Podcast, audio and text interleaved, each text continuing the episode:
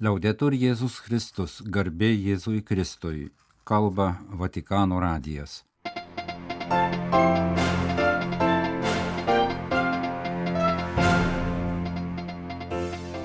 Malonus klausytojai šioje penktadienio Liepos 7 programoje Vatikanas pristatė Viskupų sinodo asamblėjos dalyvius, valstybės sekretoriaus Pietro Parolino interviu Italijos televizijai humanitariniai veiksmai gali atverti kelius į taiką. Kardinolas Matėjo Dzupi jau informavo popiežių apie misiją Maskvoje. Popiežius Fatimoje mels taikos Ukrainoje ir pasaulyje. Liepos 9 dieną minimas metinis jūrų sekmadienis.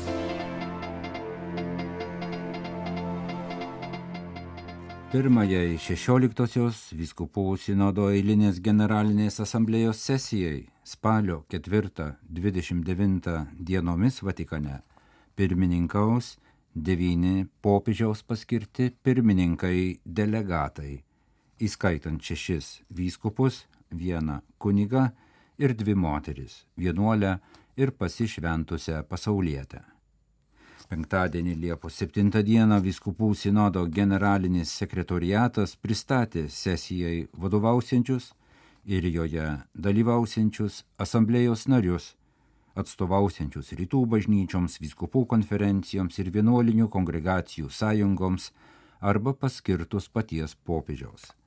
Asamblėjos sesijos dalyvių sąrašas apima vyskupo tarnystės galios neturinčius kunigus, pašvestuosius ir pasauliečius, kurie vykdė sinodinį procesą jo žemyninėme etape, Romos kurijos vadovus ir viskupų sinodo tarybos narius, į sesiją pakviestus asmenis ir kitus jos dalyvius - dvasinius, liturginius, teologinius asistentus. Devini popiežiaus deleguoti asamblėjos pirmininkai yra Aleksandrijos koptų patriarchas Ibrahim Izak Sedrak, kardinolas Karlos Aguja Retės, Meksikos arkivyskupas, Luis Gerardo Cabrera Herrera, Guayaquilio arkivyskupas iš Ekvadoro, Timothy John Costello, Perto arkivyskupas iš Australijos, Daniel Ernest Flores, Brownsville vyskupas iš Junktinių Amerikos valstijų, Lucio Andriče Muandula, Šaišajaus vyskupas iš Mozambiko, kunigas Giuseppe Bonfrate iš Italijos, sesuo Marija de los Dolores Palencija iš Meksikos ir ponia Momoko Nishimūra iš Japonijos. Priminsime, kad vyskupų sinodo pirmininkas yra popiežius Pranciškus. Vyskupų sinodo asamblėja tema Sinodinis bažnyčios link bendrystė dalyvavimas misija vyks dviem etapais. Po pirmosios sesijos šių metų spalį, antroji sesija įvyks 2024 metų spalį. Sesijose bus užbaigiamas 2021 metais pradėtas pasirengimo procesas įvykęs parapijose, judėjimuose, vienuolyjose, vyskupijose, galop vietinių bažnyčių ir žemyninių lygmenių. Pagal Vatikane paviešintą dalyvių sąrašą sesijoje šių metų spalį dalyvaus du bažnyčios Lietuvoje atstovai - vyskupas Algirdas Jurevičius, telšių vyskupijos ganytojas, asamblėjoje atstovausiantis Lietuvos vyskupų konferencijai. Ir arkivyskupas Ginteras Grušas Vilniaus arkivyskupas, kuris asamblėjoje dalyvaus kaip Europos vyskupų konferencijų tarybos pirmininkas. Ukrainos taika turės būti teisinga taika, pabrėžė ketvirtadienio Liepos 6 dienos interviu Italijos televizijai popiežiaus valstybės sekretorius Pietro Parolinas. Kardinolas teigiamai įvertino labai svarbę kardinolo Matėjo Dzupi misiją Kyjive ir Maskvoje ir pažymėjo, kad Rusijos atstovai įsidėmėjo šventojo sosto norą padėti sugražinti iš Ukrainos išvežtus vaikus. Mums tai labai svarbu, nes ir tokie humanitariniai gestai gali būti keliai vedantys į taiką, todėl labai akcentuojamas humanitarinis matmuo, galintis padėti užbaigti karą, pasakė kardinolas Parolinas.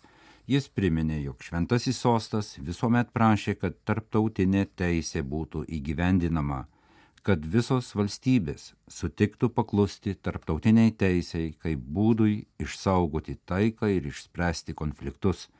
Tarptautinė teisė apima visą eilę principų tokių kaip dialogas, dėrybos, teisingumas ir sienų pripažinimas, tautų apsisprendimo teisė, pagarba mažumoms, vardijo kardinolas. Paklaustas apie brandolinio eskalavimo pavojų, Vatikano valstybės sekretorius pripažino, kad tai didžiulė problema. Dabartiniais laikais linkstama nemažinti atominių ginklų arsenalus, o juos didinti ir padėti įsigyti brandolinį ginklą iki šiol jo neturėjusiems kraštams. Bažnyčios ir popiežiaus nusistatymas yra aiškus.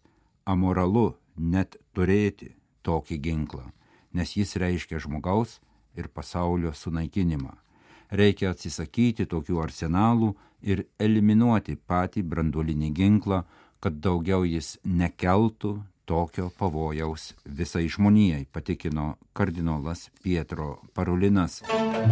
Popiežiaus pasiuntinys kardinolas Matėjo Dzupį patvirtino, kad jau kalbėjosi su popiežiumi Pranciškumi ir jį informavo apie misiją Maskvoje. Matėjo Dzupį vienos knygos pristatymė Romoje Liepos pradžioje patikino spaudos atstovams, kad dabar misijos prioritetas darbuotis dėl labiausiai skriaudžiamųjų, o tai yra vaikai, kad būtų galima užvesti mechanizmą jų gėriui ir paskatinti humanitarinį aspektą. Tikimės, gali pradėti nuo mažiausiųjų, kurie yra silpniausi. Vaikams turi būti leista sugrįžti į Ukrainą. Todėl pirmą reikia susižinoti apie vaikų likimus, paskui ištirti, kaip juos sugražinti, cituoja Matėjo Dzupį pasisakymą Vatikano naujienos Vatican News. Jūs klausotės Vatikano radio žinių laidos lietuvių kalba. Tęsime programą. Popiežius Fatimoje mels taikos Ukrainoje ir pasaulyje. Apsilankimas Fatimo šventovėje buvo įtrauktas į pasaulio jaunimo dienų kelionės programą, nes Pranciškus nori ypatingų būdų melstį Marijos užtarimo, kad baigtųsi karas krikščioniškos Europos širdyje ir visi karai. 1917 m. apsireiškimas Portugalijoje ypač susijęs su Rusija ir praėjusio šimtmečio pontifikais. Vedamajame straipsnėje primena Andrėja Tornelį, Vatikan News vyriausiasis redaktorius. Popiežius Pranciškus antrą kartą grįžta į Fatimos Dievo motinos šventovę, kurioje 1917 m. gegužės mėnesį trys piemenėliai, du jau šventieji, o trečiasis pakeliui į altorių garbę, gavo Marijos žinę apie žmonijos ateitį. Kelių valandų sustojimas Fatimoje kurią popiežius pasieks malūnsparnių šeštadienį rūpjūčio penktąją, į programą buvo įtrauktas ne iš karto. Iš pradžių popiežiaus piligriminėje kelionėje buvo numatyta tik viešnagė Lisabonoje, kur vyks pasaulio jaunimo dienos. Pranciškus jau lankėsi garsiojoje Marijos šventovėje 2017 m. gegužės mėnesį, kai buvo minimas apsireiškimo šimtmetis mažiesiems regėtojams, o Pranciškus ir Jacinta paskelbti šventaisiais. Reikšminga, kad popiežius dar kartą nusprendė nuvykti prie Fatimos Dievo motinos kojų. Šis apsilankimas popiežiaus intencijose yra siejamas su karo tragedija, kurią patiria Rusijos kariuomenės bombarduojama ir iškankinta Ukraina, taip pat su įvairiais pamirštais karais, šiuo metu vykstančiais pasaulyje. Pasak Andrėja Turnelį, Romos vyskupo gestą galima tiesiogiai susijęti su kitu jo gestu, padarytų praėjus vos daugiau nei mėnesiui nuo karo Ukrainoje pradžios, Rusijos ir Ukrainos paukojimų nekaltai Marijos širdžiai 2022 m. kovo 25 d. Šventojo Petro bazilikoje juk būtent Rusijos paukojimo buvo prašoma Fatimos apsireiškimo žinioje piemenėliams. Prieš 16 mėnesių, primena Vatikan News vyriausiasis redaktorius, Pranciškus meldė tokiais žodžiais. Išklydome iš taikos kelio, pamiršome praėjusio šimtmečio tragedijų pamokas, milijonų žmonių kritusių pasauliniuose karuose aukas. Mes nepaisome įsipareigojimų, kuriuos prisėmėme kaip tautų bendryje ir išduodame tautų svajones apie taiką bei jaunimo viltis. Tu, jūros žvaigždė, neleisk mums sudušti karo audroje. Išgelbėk mus nuo karo, apsaugok pasaulį nuo brandulinės grėsmės. Be šių Andrėja turnėlį žodžių galima plačiau priminti, kaip Rusija yra minima Fatimos piemenėlių 1917 m. Liepos apsireiškimuose ir regėjimuose. Dėl ankstyvos Pranciškaus ir Jacintos mirties 1919 ir 1920 metais nuo baisios ispaniškojo gripo epidemijos, jų turinį žinome iš trečiosios regėtojos iki 2005 metų gyvenusios sesers Liucijos užrašų.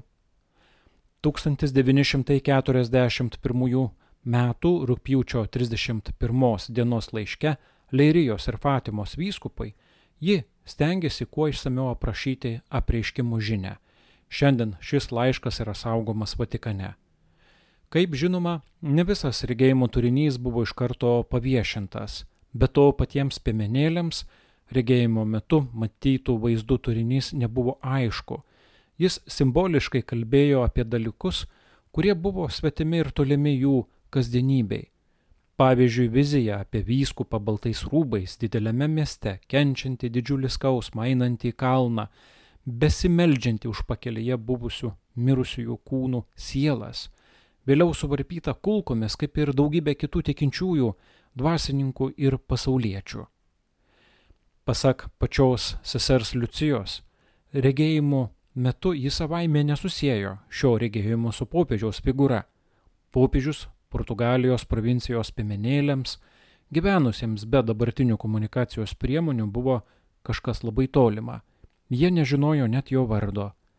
Bet kai 1981 metais įvyko pasikesinimas į Joną Paulių II, sesuo Liucija spėjo ir buvo viduje įsitikinusi, kad regėjimas buvo būtent apie tai Galima pridurti, kad ir pats šventasis Jonas Paulius II žodžiais ir gestais nekarta išreiškė panašų vidinį įsitikinimą.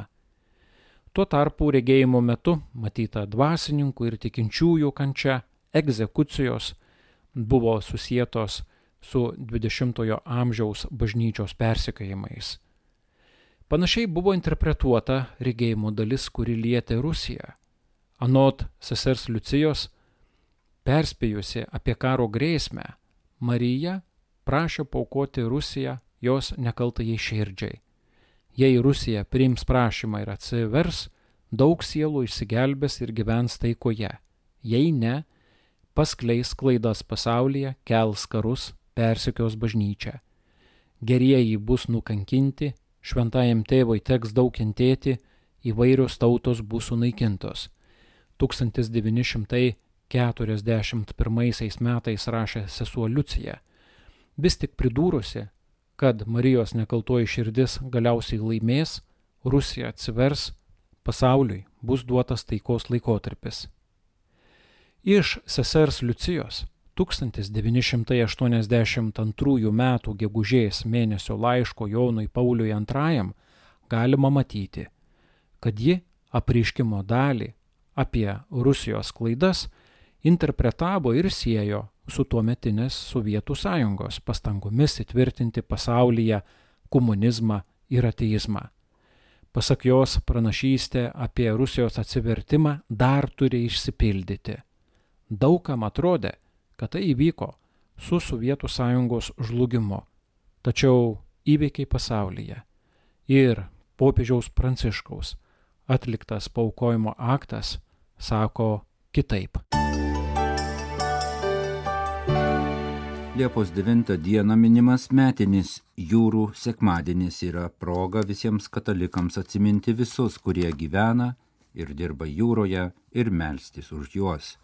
Už jūrų sielovadą atsakinga Šventojo sosto institucija paskelbė jos vadovo žinę jūrų sekmadieniui, kuriame išsakytas raginimas, kad bažnyčios bendruomenės paliudytų jūrininkams artumą, o jūrininkai patirtų, kad bažnyčia yra arti jų, rūpinasi jais.